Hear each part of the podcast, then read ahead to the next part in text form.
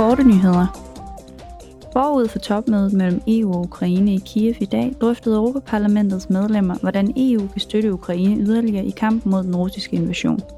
Europakommissionen og det svenske rådsformandskab bekræftede på ny EU-landenes og EU-institutionernes fulde støtte til Ukraine. Under en plenardebat i Bruxelles med det svenske rådsformandskab og kommissionens formand Ursula von der Leyen fremførte parlamentsmedlemmerne deres syn på, hvordan man bør håndtere de migrationsudfordringer, som Europa står overfor i dag. Von der Leyen understregede, at migration er en europæisk udfordring, der kræver et europæisk beredskab. At the European Council next week, På det europæiske råds møde i næste uge vil jeg foreslå stats- og regeringscheferne to separate indsatsområder. Lovgivningsprocessen er det ene, og de operationelle foranstaltninger, vi kan træffe allerede nu, er det andet. I forhold til lovgivningsprocessen er det bedste, vi kan gøre, at fremme den nye pagt med migration og asyl. I forhold til det andet indsatsområde vil det bedste være at handle øjeblikkeligt. is immediate action.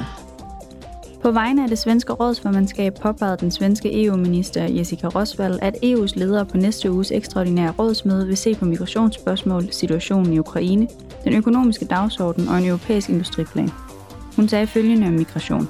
Leaders are expected to discuss ways in which Lederne forventes at drøfte måder, hvorpå EU kan styrke sine fælles indsatser, som eksempelvis at styrke kontrollen af EU's ydre grænser ved hjælp af blandt andet støtte fra Frontex til EU-landene og anvendelse af IT-værktøjer og gennem partnerskaber med oprindelses- og transitlande langs alle ruter for at undgå yderligere dødsfald og for at bekæmpe ulovlig migration. death and counter illegal migration.